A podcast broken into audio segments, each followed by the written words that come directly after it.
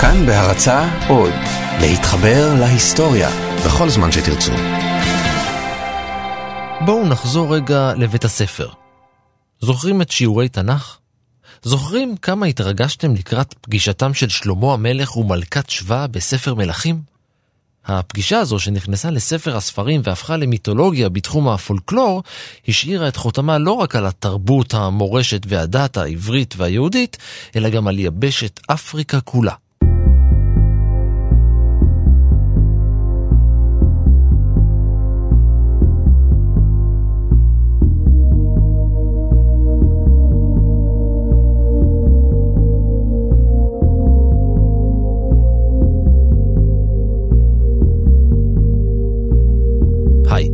אני ערן מנהר ואתם על מנהר הזמן.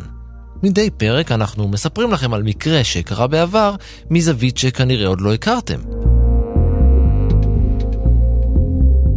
הפעם אתם מוזמנים להתחיל איתנו את המסע אל ממלכת שבא, כדי שנוכל להגיע בסופו של דבר אל צאצאו של המלך שלמה, היילה סלאסי, שהחל את תנועת רסטפארי.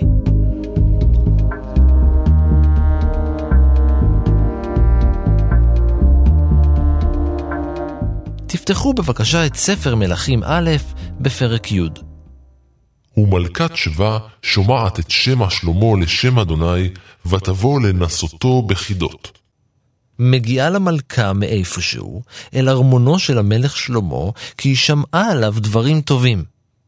היא מגיעה עם חיילים, גמלים, מתנות יקרות מאוד, בסמים וזהב ואבנים. ותבוא אל שלמה, ותדבר אליו את כל אשר היה עם לבבה. הגברת מצהירה על כוונותיה. ושלמה? ויגד לה שלמה את כל דבריה, לא היה דבר נעלם מן המלך אשר לא הגיד לה. ולמלכה קראו מקדה. והיא הגיעה כמסופר בספר מלכים לפגוש את אה, שלמה המלך, כי היא שמעה את uh, תפארתו. זהו פרופסור חגי ארליך מהחוג להיסטוריה של המזרח התיכון ואפריקה באוניברסיטת תל אביב. ומהמפגש הזה שלמה קצת הפעיל ערמומיות. ההיסטוריון הקדום יוסף בן מתתיהו, יוספוס פלביוס, קרא לה ניקאולה. באסלאם היא מכונה בילקס, וההיסטוריון המודרני עמנואל וילקובסקי טען שהיא המלכה המצרית חצ'פסות.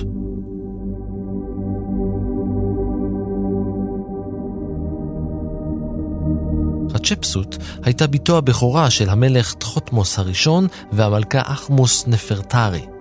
אחותה הצעירה מתה בינקותה, מה שהפך אותה לביתו היחידה של המלך למשך 12 שנים. אך לפרעה היו שפחות, וכל בן מהן היה יורש את הכתר. לכן דילג תואר הפרעה על חצ'פסות ועבר ישירות לאחיה למחצה, תחותמוס השני. אבל היא לא הייתה פריירית, היא התחתנה איתו כשהיה בן 12 והיא הפכה למלכה. מלכת מצרים.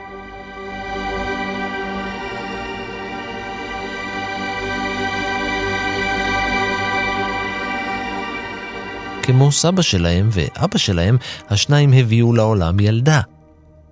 וכשהפרעה מת, היורש החוקי היה התינוק שנולד לו מאחת השפחות.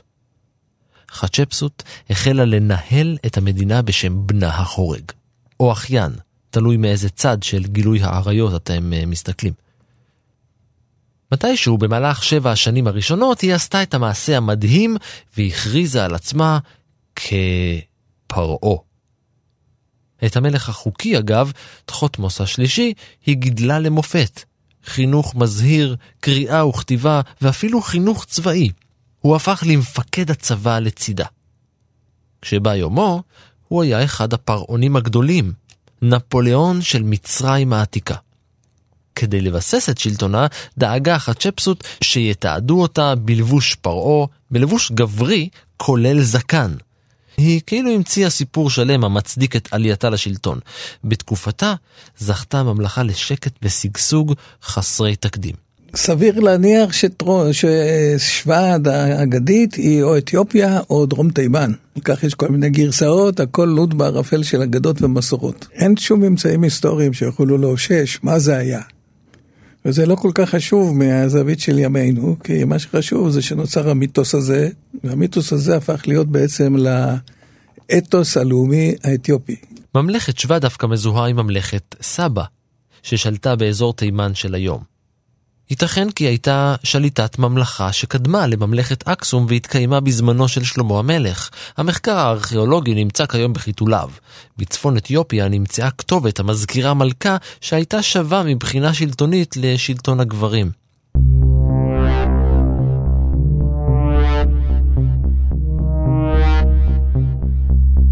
הדייט הראשון שלה עם שלמה המלך המשיך בשבחים שהיא הרעיפה עליו, ובמתנות שהיא השאירה לו, ובעצם זה הסיפור.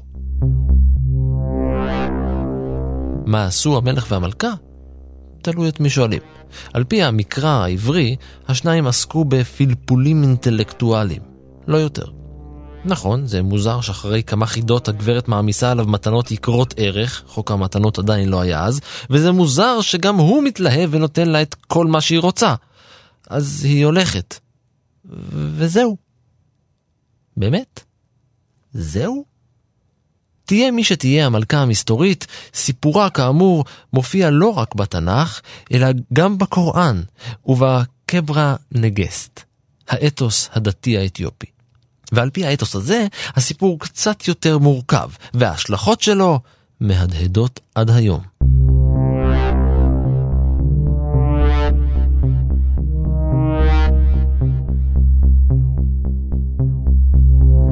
לפי הסיפור, מי שאחראי לשידוך בין שני המלכים היה תמרין, סוחר עשיר שהחזיק צי אוניות משלו. במסגרת פעילותו הגיע לכל רחבי העולם העתיק, וגם לממלכת העם היושב בציון. הוא סיפר למלכת שבא על העושר הגדול של ממלכת בני ישראל, שהושג באמצעות חוכמתו האדירה של המלך החכם באדם. מיד שלחה לשלמה מכתב והודיעה, אני באה. זה ייקח לי שלוש שנים, אבל אני באה. אז אספה המלכה מתנות. היא קיבצה אלפי ילדים וילדות והחלה במסע. אחרי שהגיעה לירושלים, פגשה את המלך. רצפת השיש של ארמונו הייתה כה מבריקה שהיא חשבה כי מדובר במים, והרימה את קצות השמלה שלה. רגליה נחשפו, ושלמה המלך נדלק. אחרי שנחה, העבירה קצת זמן בדיבורים עם המלך, אנחנו לא ממש יודעים כמה זמן, הגיעה השעה לחזור הביתה. רק שלשלמה היו עוד תוכניות עבורה. יום לפני כן הזמין אותה שלמה לסעודה. הוא ביקש שבארוחה יכינו אוכל מתובל במיוחד, כדי שהמלכה תהיה צמאה. בלילה התעוררה המלכה וחיפשה מים. היא מצאה איזה כד מלא והרוותה את גרונה הניחר. שלמה, שחיכה בסבלנות לרגע הזה, יצא ממקום מחבואו, תפס אותה ואמר, כנראה בקול מאוד שרמנטי במיוחד, מים זה דבר יקר, תצטרכי לשלם עבורם. מלכת שבא ענתה לו בחיוך. לפי גרסה אחרת, המלך שלמה התחייב לא לדרוש ממנה דבר, כל עוד לא תיטול כלום מממלכתו. בגלל ששתתה ללא רשות וללא תמורה, טען כי הפרה את ההסכם ביניהם ודרש תשלום. כך או כך, אחרי לילה אינטימי, נפרדו שני השליטים, ושלמה נתן לה טבעת. לא רק כדי שתזכור אותו, אלא כדי שאם ייוולד לבן ממנו, הוא יוכל לזהות אותו לכשיגדל. בדרך חזרה לממלכה שלה, מלכת שבא קראה ללדת. היא הביאה לעולם את מנליק, ואיתו נולדה גם השושלת הסולומונית. הציור הכי אה, פופולרי באתיופיה, זה כמו סיפור של קומיקס, שלמה המלך מלכת שבא ב-40 תמונות, וכל מה שסיפרת, קצת פחות אה, פולקלור, יותר פולקלור, הכל שם, וכל אה, אתיופי גדל על זה. מ... פירוש השם מנליק הוא בן המלך. אז הסיפור שהם עשו ביניהם הסכם שהיא לא תיקח ממנו, הוא לא ייקח ממנה, כי היא מספיק עשירה, היא לקחה את המים, ואז לפי הציורים פעמיים הם עשו את הטוב בין האלוהים. כמו כל בחור, כשצמח מנליק והפך לנער, גם הוא התחיל לשאול שאלות קיומיות. שאלות כמו מי אני, מאיפה באתי, ומי זה אבא שלי שאני מכיר רק בתור האקס המיתולוגי של אימא. על פי הקברה נגסט, בגיל 22 הוא כבר לא היה יכול יותר. הוא אסף את החבר'ה שלו, צירף אליהם את הסוחר שסיפר לאימא שלו על המלך שלמה, וכולם יחד יצאו אל הדרך. הולכים לפגוש את אבא. כשהגיעו, הרבה אנשים שראו אותו בדרך חשבו שהוא שלמה, כי הוא היה ממש דומה לו. כל אחד יכול להוסיף מה שהוא רוצה להוסיף. המיתוס הוא שמנדליק חזר לאתיופיה עם עשרת אלפים או שנים עשרה אלף הטובים שבבני ישראל. כן. מנדליק פגש את שלמה המלך, שאחרי איחוד מרגש, כנראה הוא זיהה אותו בגלל הטבעת, ניסה לשכנע אותו להישאר ולהיות יורש העצר. מנדליק סירב. שלמה נתן לו כסף וזהב, אבל מנדליק לא חיפש את זה. הוא רק רצה לסגור מעגל ולפגוש את אבא. שלמה הכריז עליו כעל שליט של ממלכה באפריקה, מלך אקסום, היום באתיופיה. הוא גם שינה את שמו וקרא לו על שם סבא שלו, דוד. למעלה מעשרת אלפים איש מבני היישוב העברי, כולל כהנים ולוויים, יצאו עם המלך הראשון אל ממלכתו החדשה. ככל הנראה, המלווים האלה היו אבות אבותיהם של יהודי אתיופיה. על פי הקברן הגסט, מנליק קיבל משלמה המלך עותק של ארון הברית, כמחווה או מתנה. מה שהוא לא ידע, מספרת המסורת הכתובה, זה שאחד מבניו של צדוק הכהן החליף בין הארון האמיתי וההעתק. מנליק קיבל לידיו את הכלי האימתני החזק והחשוב ביותר בעולם, והוא ניצל את כוחו בדיוק כמו בני ישראל. הוא יצא למסע של כיבושים ומלחמות, והארון עזר לו.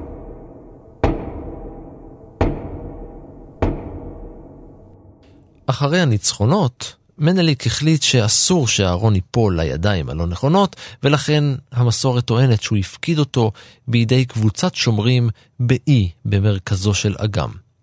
מאז ועד היום נשמר הארון באתיופיה, ואחרי כמה גלגולים הגיע לאקסום שוב, והוא מוחזק בכנסיית מריה הקדושה מציון. אבל אל תחפשו אותו, כי לא ייתנו לכם להיכנס. בכנסייה מורשה רק אדם אחד בכל דור לחזות בארון הברית, והוא בדרך כלל הכומר או הכהן שמשרת בכנסייה וחי בה כל ימי חייו. וכל כנסייה אתיופית היא חיקוי של מקדש שלמה, והאמת ההיסטורית שבאחרי זה לא היא מה שחשובה, אלא המיתוס הזה, והמיתוס הזה נשתל באתיופיה בסביבות המאה ה-13, רטרואקטיבית למאה העשירית לפני הספירה. כאשר עלתה שושלת, גם לפני כן הייתה כבר זיקה מאוד חזקה לתנ"ך המקראי. אבל uh, ב-1270, אם תתעקש על תאריכים, הוא עלה שושלת שקוראת לעצמה השושלת הסולומונית, שהיא מביאה את אתיופיה ימי ביניימית לתפארתה, והקיסריה זה זרע יעקוב, עמדה ציון, דוד וכולי. אה, עם זיקה חדשה חזקה מאוד למקרא ולגיטימציה של המערכת הפוליטית שאתיופיה היא ישראל האמיתית. והאתיופים הם בני ישראל האמיתיים, דקיקה ישראל. והשליטים שלהם, האצולה הם מצאצאי הטובים שבבני ישראל שליוו את מנליק, והקיסרים, לא חשוב שהקיסרים עלו וירדו וכל אחד הגיע ממקום אחר בתחלופת כוחות, אבל הלגיטימציה לשלטון זה עד 1974. אז הלגיטימציה היא לגיטימציה תנ"כית, מקראית, עברית. הנצרות היא רוויית עבריות, החגים הם. כל הנוצרים באשר הם רואים את עצמם יורשי ישראל ברוח. האתיופים רואים את עצמם גם בראשי ישראל בבשר ובדם. ההיסטוריה האתיופית מלאה בקיסרים שלא השתייכו לשושלת הסולומונית והודחו באופן אלים רק בשל עובדה זו. בעת החדשה לא היה אחד שלא גמר באופן אלים. תחלופת כוחות, תחלופת שלטונות, תפוחת, תפוחת רקעים אתניים, אבל כל אחד ברגע שהגיע לשלטון קיבל את הלגיטימציה רטרואקטיבית שהוא צאצאי שלמה, צאצא שלמה, ומקודש ברוח התנ"ך העברי, לא רק הברית החדשה. למשל, במאה הרביעית לספירה התנצרו קיסרי שושלת מנליק והתחילו בצורה רשמית את מה שנקרא האימפריה האתיופית. או שושלת קצרה של קיסרים יהודים שמשנת 858 השתלטו על הקיסרות. השושלת של מנליק נמשכה על פני 225 קיסרים עד המהפכה האתיופית של שנת 1974.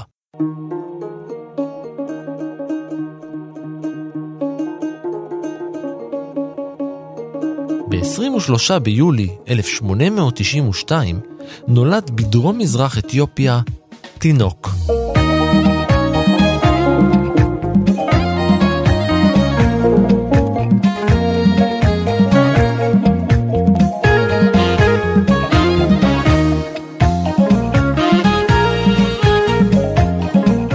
משפחתו הייתה אצילה.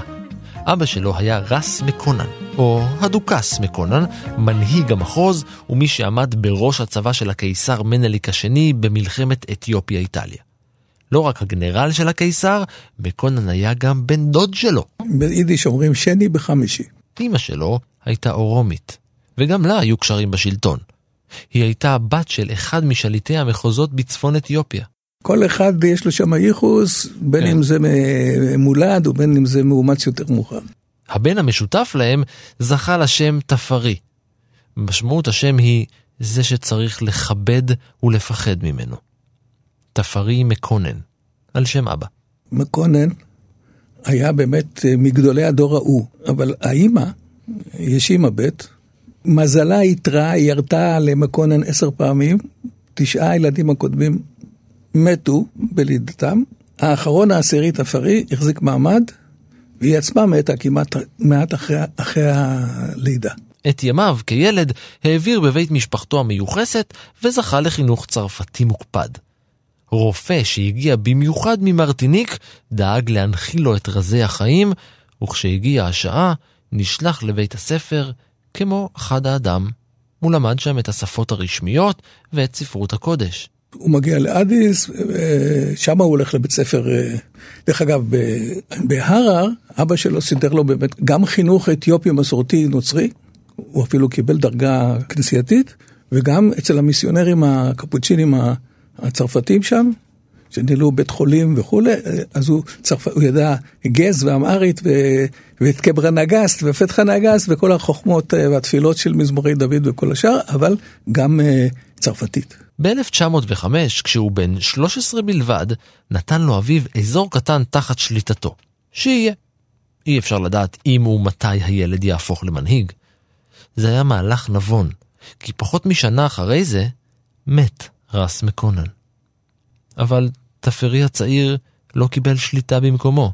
מדובר בעיר הרר, שזאת בירת האסלאם ההיסטורית, שהאבא מקונן כובש אותה בשם הקיסר מנדליק, עוד ב-1887, חמש שנים לפני שתפרי נולד.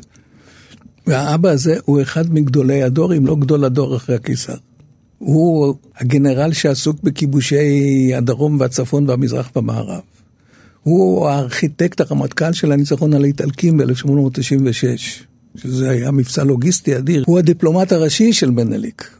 הוא נוסע לאיסטנבול, נוסע לרומא, נוסע לאנגליה בכל מיני שליחויות. אתיופיה שהוא מייצג היא אתיופיה מנצחת. כובשת את הדרום ומנצחת את האימפריאליזם האירופי. ומקונן הוא דמות מפתח בכל ההיבטים של אתיופיה היא המנצחת. והוא מועיד את הבן היקר שלו, הילד הטוב שאותו אותו הועיד לרשת אותו. הוא בעצמו לא היה מיועד לקיסרות, גם מקונן לא היה קיסר, הוא היה אחד האנשים החשובים. וכשמקונן מת ב-1906, בן 50, בדרך מהרר לאדיס, דיזנטריה, אני יודע, אז תפרי הוא בן 14. זה מול דור של אנשים חזקים ובטוחים בעצמם, והילד הזה גם קטן גוף. עכשיו, תפרי הצעיר כבר יש לו את האמביציה, והחיילים של מקונן נאמנים לו. אז הוא בטוח שהוא הוא אפילו רץ לסדר לעצמו חותם של אה, שליט ההרר. אבל באדיס אבבה עוד שולט מנליק השני, ואשתו טייטו, שהייתה גברת אה, רבת מזימות ותככים, אה, החליטה שהיא בוחשת בעניין הזה. אמרו לו, 40 יום אבל של אבא, 40 יום אבל יהודי, אה, תבוא לאדיס, מנליק השני הזמין את תפרי אליו. הוא הפך אותו לחלק מהפמליה שלו ושימש כבן לוויה של נכדו של הקיסר, איאסו. גם זו הייתה החלטה נבונה במיוחד. ב-1907 חלה הקיסר באגבת והשתתק. כיוון שלא יכול היה לשמש כראש מדינה, החלו שני טוענים לכתר להתבצר כל אחד במחנה משלו. מצד אחד הייתה אשתו של הקיסר, מצד שני, הנכד שלו, בנם של בתו ושל אימם מוסלמי. אבא שלו קראו לו רס מיכאל. לפני זה הוא היה אימם מוחמד עלי של אזור וולו. תפרי שלנו היה חכם ותמך בשניהם. זה השתלם, כי מנליק השני הכריז בלחישה כי מי שיחליף אותו יהיה נכדו, שהפך לקיסר איאסו החמישי. בתמורה לתמיכה בו, איאסו העניק לתפרי את השליטה במחוז עליו שלט אביו. הוא היה בן 18. הדבר הראשון שעשה היה להוריד את גובה המיסים. הוא היה אדם אינטליגנטי בצורה בלתי רגילה, על רקע בני דורו שחשבו שהם יותר חכמים מהאירופים. הוא לא רק שלמד צרפתית וכל השאר והבין את העולם הגדול, הוא גם אה, תכנן והבין. תפרי כאשר ממונה מחדש על, אה, על ערער, לוקח את הרפורמות של אבא שלו ומעמיק אותן. ומצליח באמת, אה, זה אזור שהוא רווי סומלים ואורומו ומוסלמים וגם, וגם נוצרים, לעשות מהאזור הזה אזור עשיר, עושר פירושו יש לך יותר חיילים, ומי ששולט בהרר זה התגלגל אחר כך כמה פעמים, תפס את השלטון באדיס אבבה. איאסו החמישי לא היה פוליטיקאי מבריק או מדינאי מהולל. הוא ניסה, הוא בעיקר ניסה. למשל, הוא ניסה לארגן לעצמו רשת של תומכים וסירב להקשיב לסובבים אותו. הוא ניסה לארגן הפיכה באזור קרן אפריקה. זה החלק הזה באפריקה שבולט לכיוון חצי האי ערב. הוא ניסה להחליף את הנאמנים של סבו באנשים שלו. הוא ניסה לבנות את כל המדינה מחדש כך שהשבטים יהיו נאמנים לו. הוא ניסה את כל זה ונכשל. ואז הוא נזכר שאבא שלו היה מוסלמי.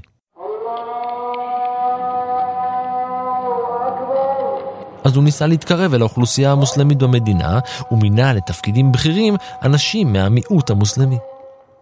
כל זה לא נגע לתפרי מקונן. עד שיאסו התחיל להתערב בתוך העניינים במחוז שלו. גם שם הוא הפלה את המוסלמים לטובה. א', לא להיות שבוי עם הממסד של אה, שמנהליג בנה, ולהיות יסמן של האנשים החזקים האלה. אז לא להיות הבובה שלהם, על כן אה, הוא ניסה לבנות מערכת כוחות חדשה של הפריפריה, בדרום, בצפון וכולי, ואז תוך כדי כך הוא גם נזכר שהוא מוסלמי, התחתן עם כל האנשים ב, מהאזורים השונים, וניסה לבנות, לעשות אולי מהפכה שהיום יש כאלה שרואים בקדמה, אה, מהפכה כוחנית של הפריפריה נגד, ה, נגד המרכז. ב-1916 התאסלם בטקס פומבי כדי להתקרב למוסלמים בסומליה, והפך את מחוזו של תפרי מקונן לבירת האסלאם בקרן אפריקה. המשמעות הייתה שתפרי נאלץ לעבור למחוז אחר, וזה כבר היה יותר מדי עבורו. עוד באותה השנה הוא לקח חלק פעיל בהפיכה, שבסופה הודח הקיסר איאסו, ובמקומו התיישבה על הכס בתו, זהודיתו, שנקראה גם יהודית.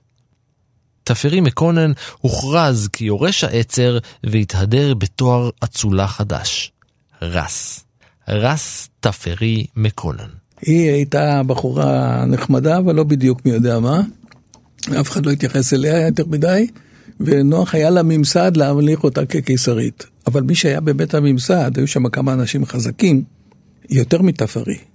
אבל תפרי ידע איך לארגן את כל העסק, גם בעזרת אנשי המעצמות בבירה, וגם אה, ראשי הממסד, לשחק את המשחק הדיפלומטי, שהוא בעצם היה האיש החזק, אבל תפרי הוא, הוא, הוא כאילו התקווה של הממסד. והם מחליטים ביניהם, גם כן, חלק מזה זה כיוון שהם לא חוששים ממנו יותר מדי, הוא עוד אה, לא אדם מי יודע מה באמת מטיל מורה כמו שמו. אז הם מחליטים שהוא יהיה יורש העשר, רס. בגדול, הוא היה השליט בפועל של אתיופיה. הקלף שלו היה מודרניזציה, ולאט לאט. כי השליטים באמת היו שמרניים ביותר, זלזלו באירופים. אז הוא לאט לאט הכניס רפורמות. במגמה לבנות בסופו של דבר צבא מרכזי, הוא בסוף מגיע לכך שיש צבא עם שני טנקים, שני מטוסים, אה, מדים וכולי וכולי, דרך תהליך הרפורמות שכולל רפורמות בחינוך, רפורמות שבונים לו מנגנון אדמיניסטרטיבי וכיוצא באלה. וגם בניית שם בעולם, הוא ב-1923 מצליח להכניס את אתיופיה לחבר הלאומים, שזה אקט הרי היסטוריה, כפי שאנחנו יודעים בהמשך הדרך. ב-1924 הוא עושה מסע באירופה, חצי שנה. אירופה רואה בפעם הראשונה. נסיך אפריקאי גאה עצמאי, הוא לוקח איתו פמליה גדולה, חלק החברים שלו, חלק האויבים שלו, שיהיו איתו ממש בטוח, ומסתובב בקהיר, באתונה, בבריסל, הכי חשוב, לונדון, פריז, רומא, מגיע גם לירושלים קצר. בתשלובת של שני הדברים האלה, בניית חבורת נאמנים בארצו שלו, לימים קוראים להם האתיופים הצעירים. זה אנשים שהוא גידל, והם נאמנים לו ומעריצים אותו, ויודעים שהוא בראש שלו צעד אחד לפניהם.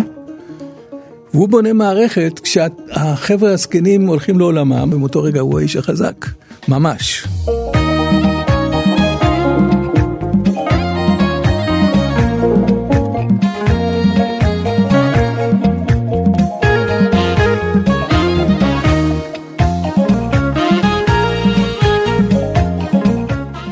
בשנת 1928, כהוקרה על כל פעילותו למען המדינה, שינתה הקיסרית את תוארו של תפרי מקונן והפכה אותו לנגוס, שבעברית משמעותו מלך.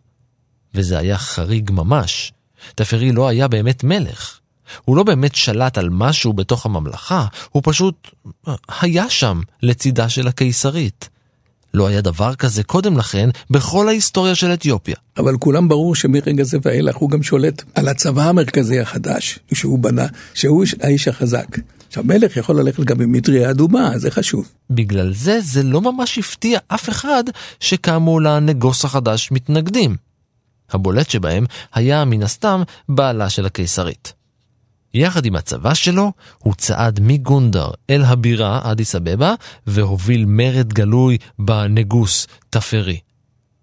אבל ב-31 במרץ 1930, הוא הובס בקרב. שם כבר שני המטוסים עם הטייסים הצרפתים שיש לתפרי בצבא המודרני, בקרב הזה משחקים משחק חשוב. אחרי ימים ספורים, מתה הקיסרית. צדיקי הדור יכולים להגיד שהיא הייתה חולה והיה לה כל הצרות שבעולם וממילא בילתה את כל חייה בבית התפילה. אבל יכול להיות שמישהו דאג לקצר את אה, שהותה עלי אדמות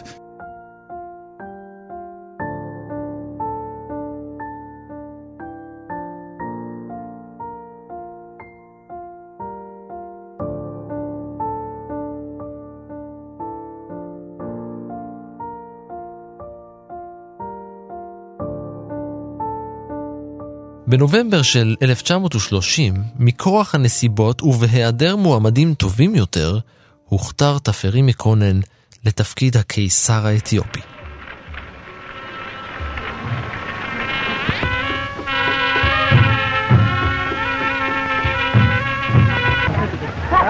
זה היה באדיס אבבה, בכנסיית אה, קדוס גיאורגיס, הכנסייה הראשית. אה, הגיעו לשם, זה כבר היה אטרקציה עולמית. מ-24 אירופה כבר הכירה את הדבר הזה, מה זה המלוכה האפריקאית העצמאית, הריבונית, הגאה? כל שאר האפריקאים היו אנשים אחרים בין האירופים. פה יש משהו עם הנופך התנ"כי של כל הסיפור. אז לנובמבר 30 הגיעו חלק גדול מנציגי המלכים והנשיאים והרוזנים מכל העולם, והעיתונות וצלמי טלוויזיה. אפשר היום לפתוח ביוטיוב ולראות את, ה, לראות את הטקס, זה טקס ממש תנ"כי. הכמרים ולבושי לבן מכל מקום, ותוקעים בחצוצרות, ואבונה, ראש הכנסייה, מכריז, הנה לכם צאצא שלמה וכולי. זה היה טקס כל כך מרשים, שהטיים מגזין שם אותו על השער, פעם הראשונה. በሀገሩ ያለው ክብረት ለማውጣትና ለማሰራት የህዝባችንን ኑሮ ለማሻሻልና ከዓለም መንግስቶች ጋር በፍቅር ለማስፋት ነው። እነዚህም ነገሮች ለማስኬድ የዓለምን መንግስቶች ሁሉ በእርዳታ וכיאה למערכת האתיופית, גם הפעם שינה תפרי את תוארו ואפילו החליף את שמו לחלוטין. הוא החל להיקרא היילה סלאסי, חיל השילוש, והפך לנגוסה נגסט, מלך המלכים. תוארו המלא היה הוד מלכותו היילה סלאסי הראשון, האריה המנצח משבט יהודה, בחיר האלוהים ומלך המלכים של אתיופיה. היילה סלאסי לא התבטל, הוא המשיך בעשייה ובפיתוח אתיופיה, ובשנים הראשונות לשלטונו ביצר צבא מודרני, הקים תשתיות לאומיות, פיתח את הכלכלה ובנה בתי ספר. הוא גם דחף ליצירת חוקה למדינה. מה מדינה? אימפריה! החוקה הכתובה נכנסה לתוקף ב-1931, והיא החליפה את כתבי הקודש, הקברה נגסט, כמסמך הרשמי שמאשרר את הקיסרות. הקברה נגסט זה, זה האתוס הלאומי, החוקה הייתה, קראו לה פתחה נגסט, לחוכבת המלכים לספר החוקים, זה, זה החוקה עם חוקי עונשין וכולי, כמעט מקראיים באכזריותם, קטיעת אברים וכולי וכולי. כשמגיע הקטע להיכנס לחבר הלאומים, אחורה ל-1923, אז מאשימים את אתיופיה, שהיא פרימיטיבית, שהיא עבדות ו... וכולי וכולי. בחוקה של 31 היא כבר חוקה אה, שתהיה נעימה לעיניים האירופיות. ובסיס להמשך המודרניזציה. אבל יחד עם זאת, תקציב, סעיף מספר 1, איילה סלאסי הוא צאצא שלמה, מלך המלכים, כוחו בלתי ניתן לערעור, הוא קדוש, הוא וכולי וכולי. באותן השנים, שנות ה-30, החלו התומכים בו לראות בתפרי מקונן כמשיח של ממש. מבחינתם הוא היה התגלמות האלוהות, דמות שאמורה להוביל את השבטים האפריקאים אל תקופה של שלום, שגשוג ופריחה. בג'מייקה החלה להתעורר תנועת אחים, ומטיפים הטיפו ברחובות וקידמו את הרעיון שישו חזר שוב בדמותו של תפרי, וכי על האפריקאים להישבע אמונים להיילה סלאסי ולא למלך הבריטי. הם ייסדו תנועה על שמו שנקראת עד היום רס תפרי, אדון תפרי, רס תפארי.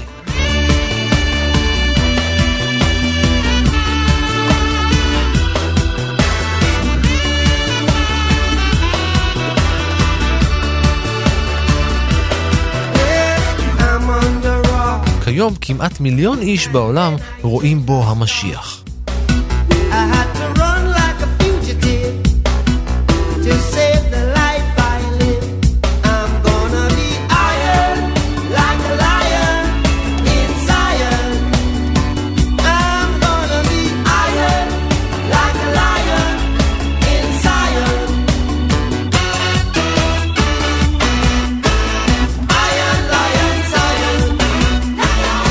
יש את הקדושה האתיופית נוצרית שזה באתיופיה. בעולם של השחורים באשר הם, בצפון אמריקה, באפריקה, בג'מייקה, באיי הודו וכולי וכולי.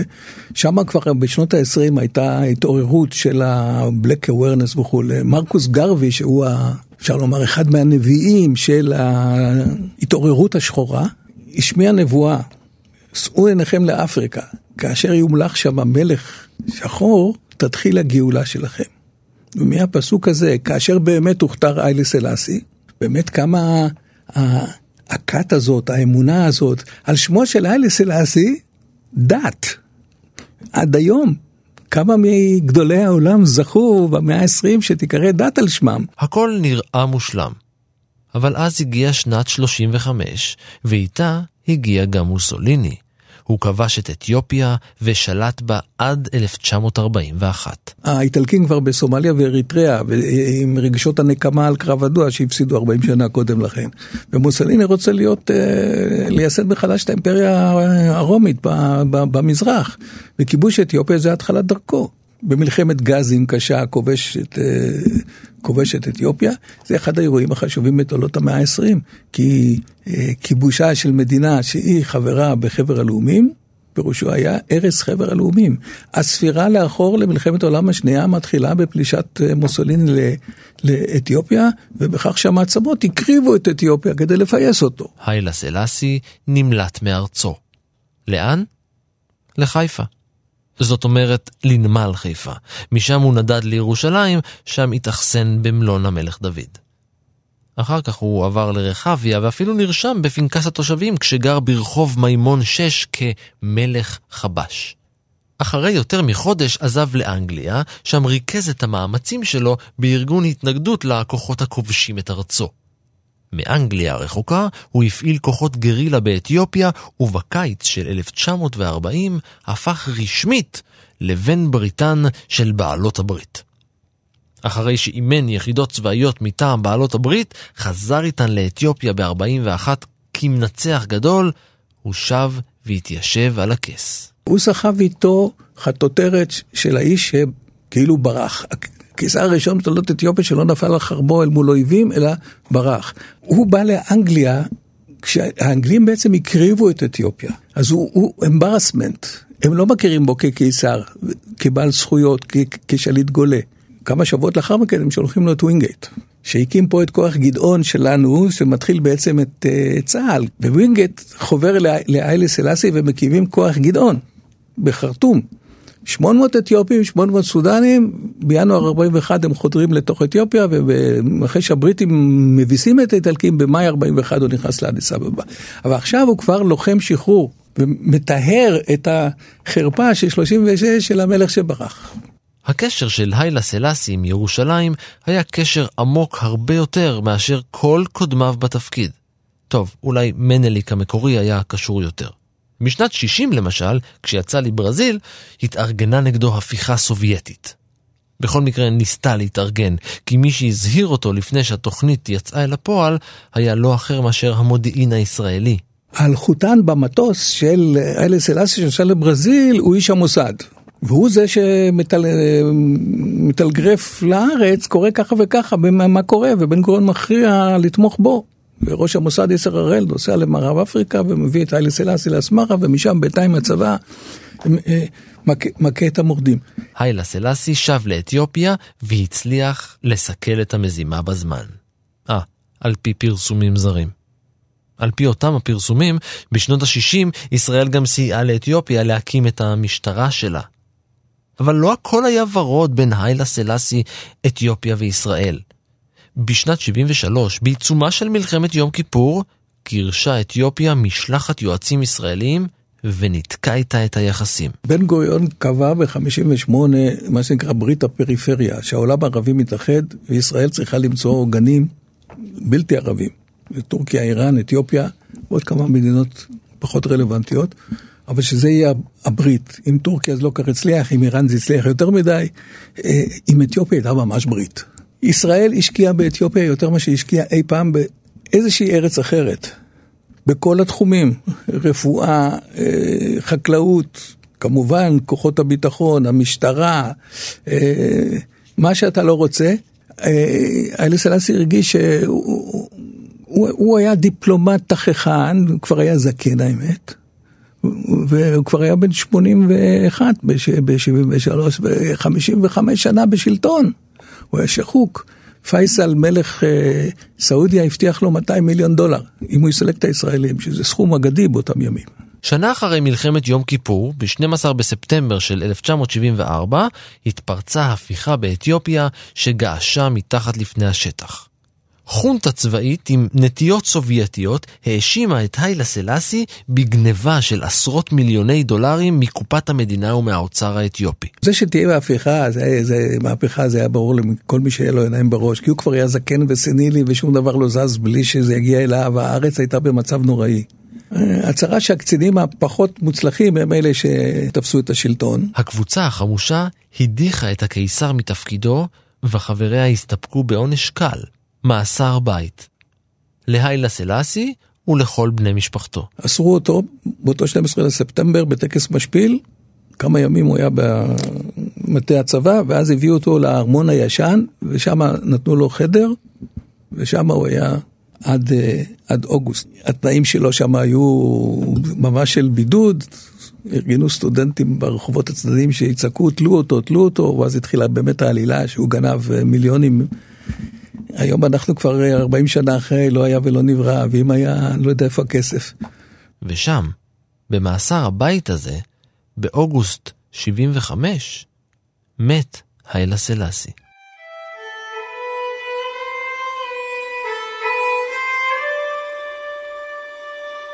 חנקו אותו בקר.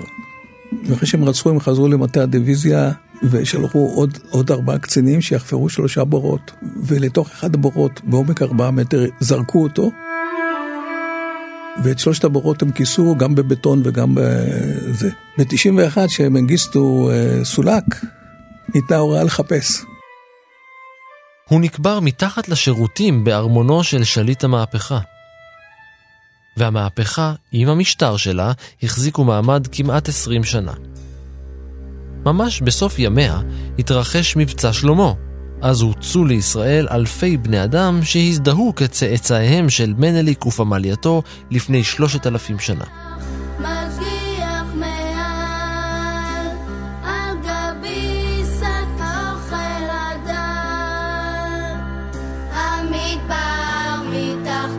במבצע שלמה שוחררו גם בני משפחתו הכלואים של היילה סלאסי, ועצמותיו הועברו לקבורה במקום קצת יותר ראוי, בכנסיית השילוש הקדוש, לא רחוק מעצמותיו של מנליק השני. ב-92, שמצאו את הקבר, צלצלו אליי מאדיס, שאני אבוא למעמד הפתיחה.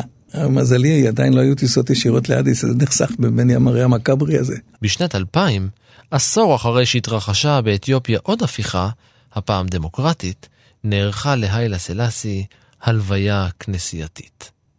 מרבית מחסידי הרסטפארי סירבו לקחת חלק באירוע. חלקם אפילו סירב להאמין כי מדובר בעצמותיו של תפרי מקונן.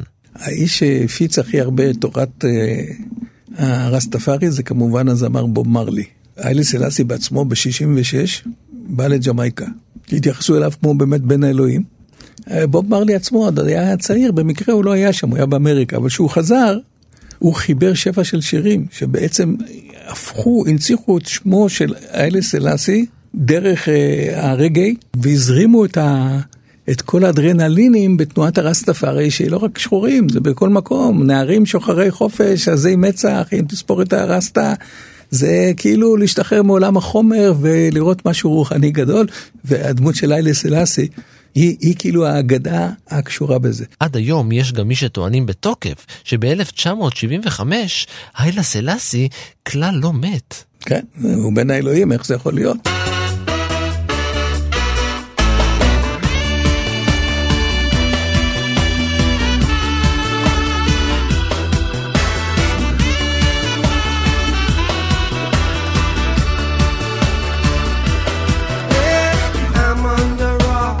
ועד כאן מנהר הזמן להפעם. היכנסו לאתר שלנו כאן.org.il, שם תוכלו ליהנות לא רק מעוד פרקים של מנהר הזמן ומסיפורים נוספים מההיסטוריה, אלא גם מעוד שלל פודקאסטים פשוט מצוינים.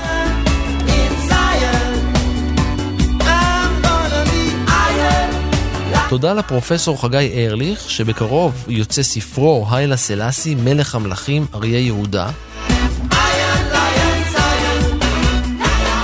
תודה גם לרס אור מנהר שהיה על ההפקה, ולנגוס ניר גורלי שהיה על העריכה.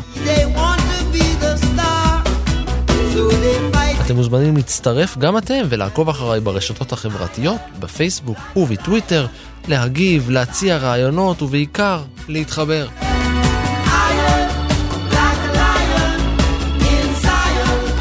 אני רן מנהר, נשוב וניפגש בפרק הבא.